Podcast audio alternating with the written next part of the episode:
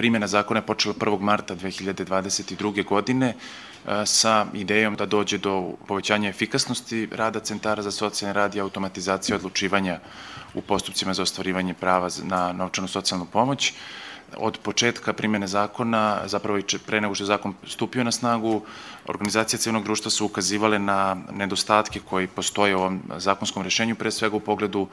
podataka koji se prikupljaju. Dakle, imamo registar od 135 različitih ličnih podataka korisnika novčane socijalne pomoći i istovremeno ne, nepostojanje transparentnosti u odlučivanju u pogledu ishoda postupaka koji se tiču naučene socijalne pomoći. U ovom trenutku, prema podacima kojima mi raspolažemo, preko 10% korisnika sistema socijalne zaštite je isključeno iz sistema, iako zakon još nije u punoj primjeni, imajući u vidu da centri za socijalni rad nisu, zapravo da nisu svi centri za socijalni rad uvezani u sistem socijalne karte. Dakle, sa nekim presekom od 1. septembra 2022. godine imali smo 22.000 manje korisnika u sistemu socijalne zaštite u odnosu na 1. mart 2022. godine kad je počela primjena zakona.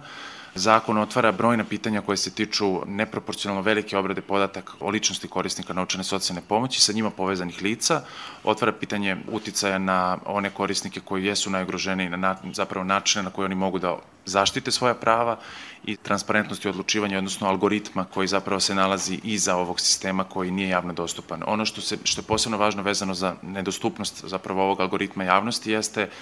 činjenica da zapravo imajući u vidu ovoliko veliku broju podataka koji se prikupljaju, osnovano se postavlja pitanje da li zapravo sistem profiliše neke korisnike, ako ih profiliše u odnosu na koje njihove lična svojstva to radi, da li isključuje neke zajednice više u odnosu na, u odnosu na neke druge, u odnosu na različite njihove karakteristike, tako da za sada ono što jesu neki ključni problemi jesu preterana jeli, obrada ličnih podataka koja dovodi do toga da zapravo u najvećem broju slučajeva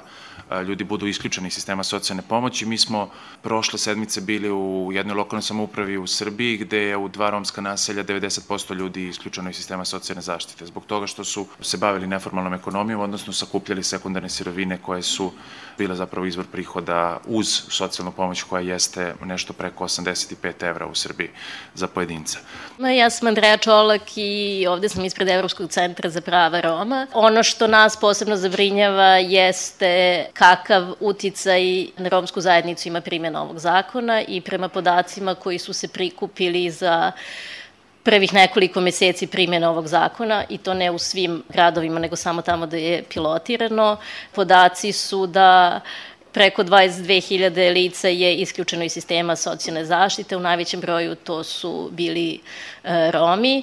Ono što nas zabrinjava jeste da sa jedne strane postoji raskorak između onoga što država deklarativno se zalaže, to je smanjenje, to je socijalna inkluzija Roma i Romkinja, smanjenje jaza koji postoji između romske i neromske populacije i izlazak romske populacije iz siromaštva, međutim ono što se dešava u praksi je upravo suprotno. 22.000 lica, mahom Roma su isključeni iz sistema socijalne zaštite, koja vam obezbeđuje pomoć koja ni ne prevazilazi liniju apsolutnog siromaštva. Znači, nivo novčane socijalne pomoći koji lica dobijaju ne prelazi liniju apsolutnog siromaštva, svaki od njihov pokušaj da oni nešto zarade i prehrane porodicu i prežive je faktički kažnjavan kroz ovaj zakon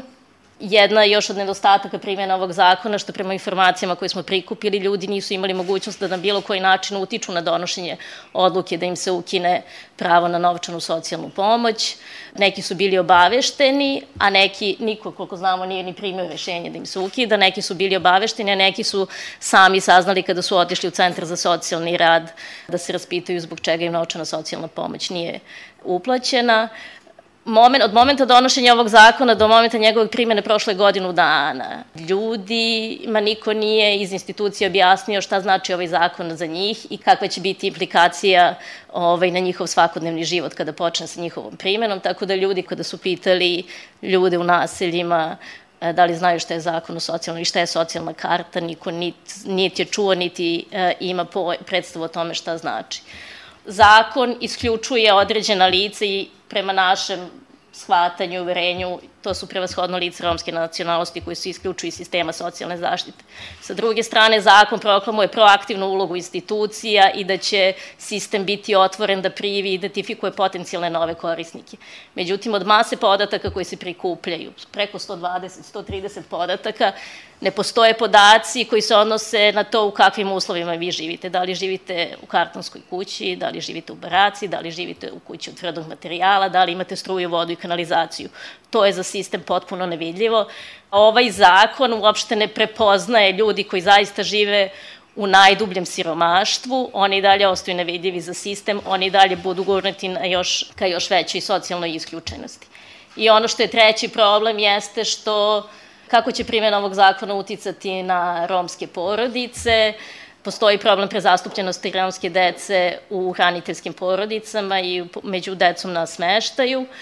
Jedan od ključnih razloga zbog čega se deca izdvajaju iz biološke porodice jeste upravo siromaštvo i razlozi koji su povezani sa siromaštvom. Kada se masa ljudi isključi iz sistema socijalne zaštite i kada im se ukine te jedino pravo koje, na koje su novčana pomoć na koju su mogli da računaju mesečno, pitanje je šta će biti sa to decom i šta će biti sa tim porodicama i da li ćemo i dalje videti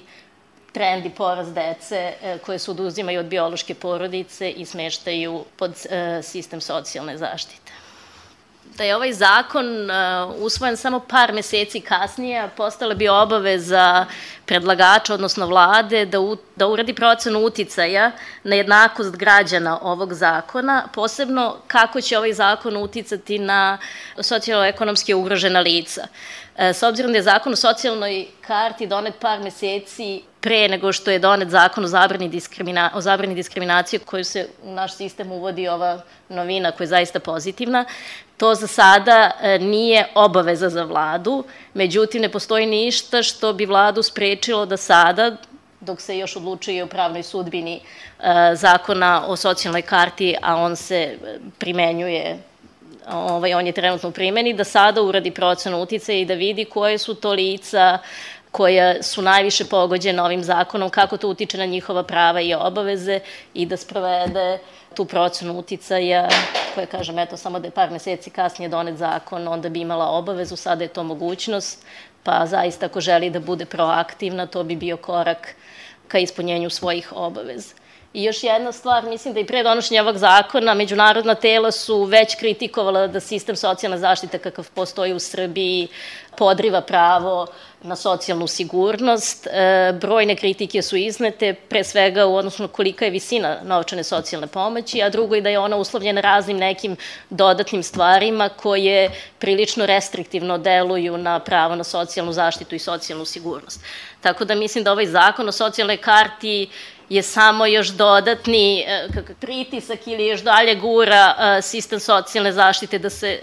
udaljava od onoga što je njena svrha. To je pružanje socijalne sigurnosti i prevazilaženje siromaštva njenih građana. Mislim da efekti ovog zakona će upravo doneti, doprineti suprotno s obzirom da je cilj socijalne karte i zakona svojevrsna digitalizacija čitavog postupka odlučivanja o tome da li neko ima ili ne prava na socijalnu zaštitu, da li algoritam po kome funkcioniše ta socijalna karta učinjen transparentnim javnosti do dana današnjeg? Da li se zna po kom principu generalno se ti podaci prikupljaju i kako sve to funkcioniše? Način na koji se prikupio podaci i način na koji se dolazi do odluke, odnosno notifikacije u sistemu koji kaže radniku Centra za socijalni rad da korisnik ne ispunjava uslove više, da treba da ga izbaci iz sistema, je nedostupan javnosti. Tako da mi ne znamo zapravo na koji način sistem funkcioniše. Pokušaj da se pristupi algoritmu kroz uh, korišćenje zakona o slobodnom pristupu informacijama od javnog značaja su uh, prošli bezuspešno, s obzirom da je ministarstvo odbilo uh, naš zahtev za pristup informacijama i to je sad u žalbenom postupku pred poverenikom poverenik sam s druge strane za zaštitu podataka o ličnosti e, nije radio analizu algoritma, niti je zapravo, osim tog negativnog mišljenja na zakon o socijalnoj karti, koje opet nije bilo javno dostupno, nego smo ga dobili opet kroz pristup informacijama od javnog značaja, osim toga zapravo poverenik nije na drugi način adresirao ova pitanja i u suštini ono što jeste prema našim saznanjima situacija i zapravo što je jako zabrinjavajuće, jeste činjenica da vi imate jednu sada situaciju da se neko pravo koje postoji u javnoj sferi, koje je garantovano ustavom i zakonima ove zemlje, u stvari o njemu se odlučuje pomoću nekakvog algoritma koji ne znamo kakav je.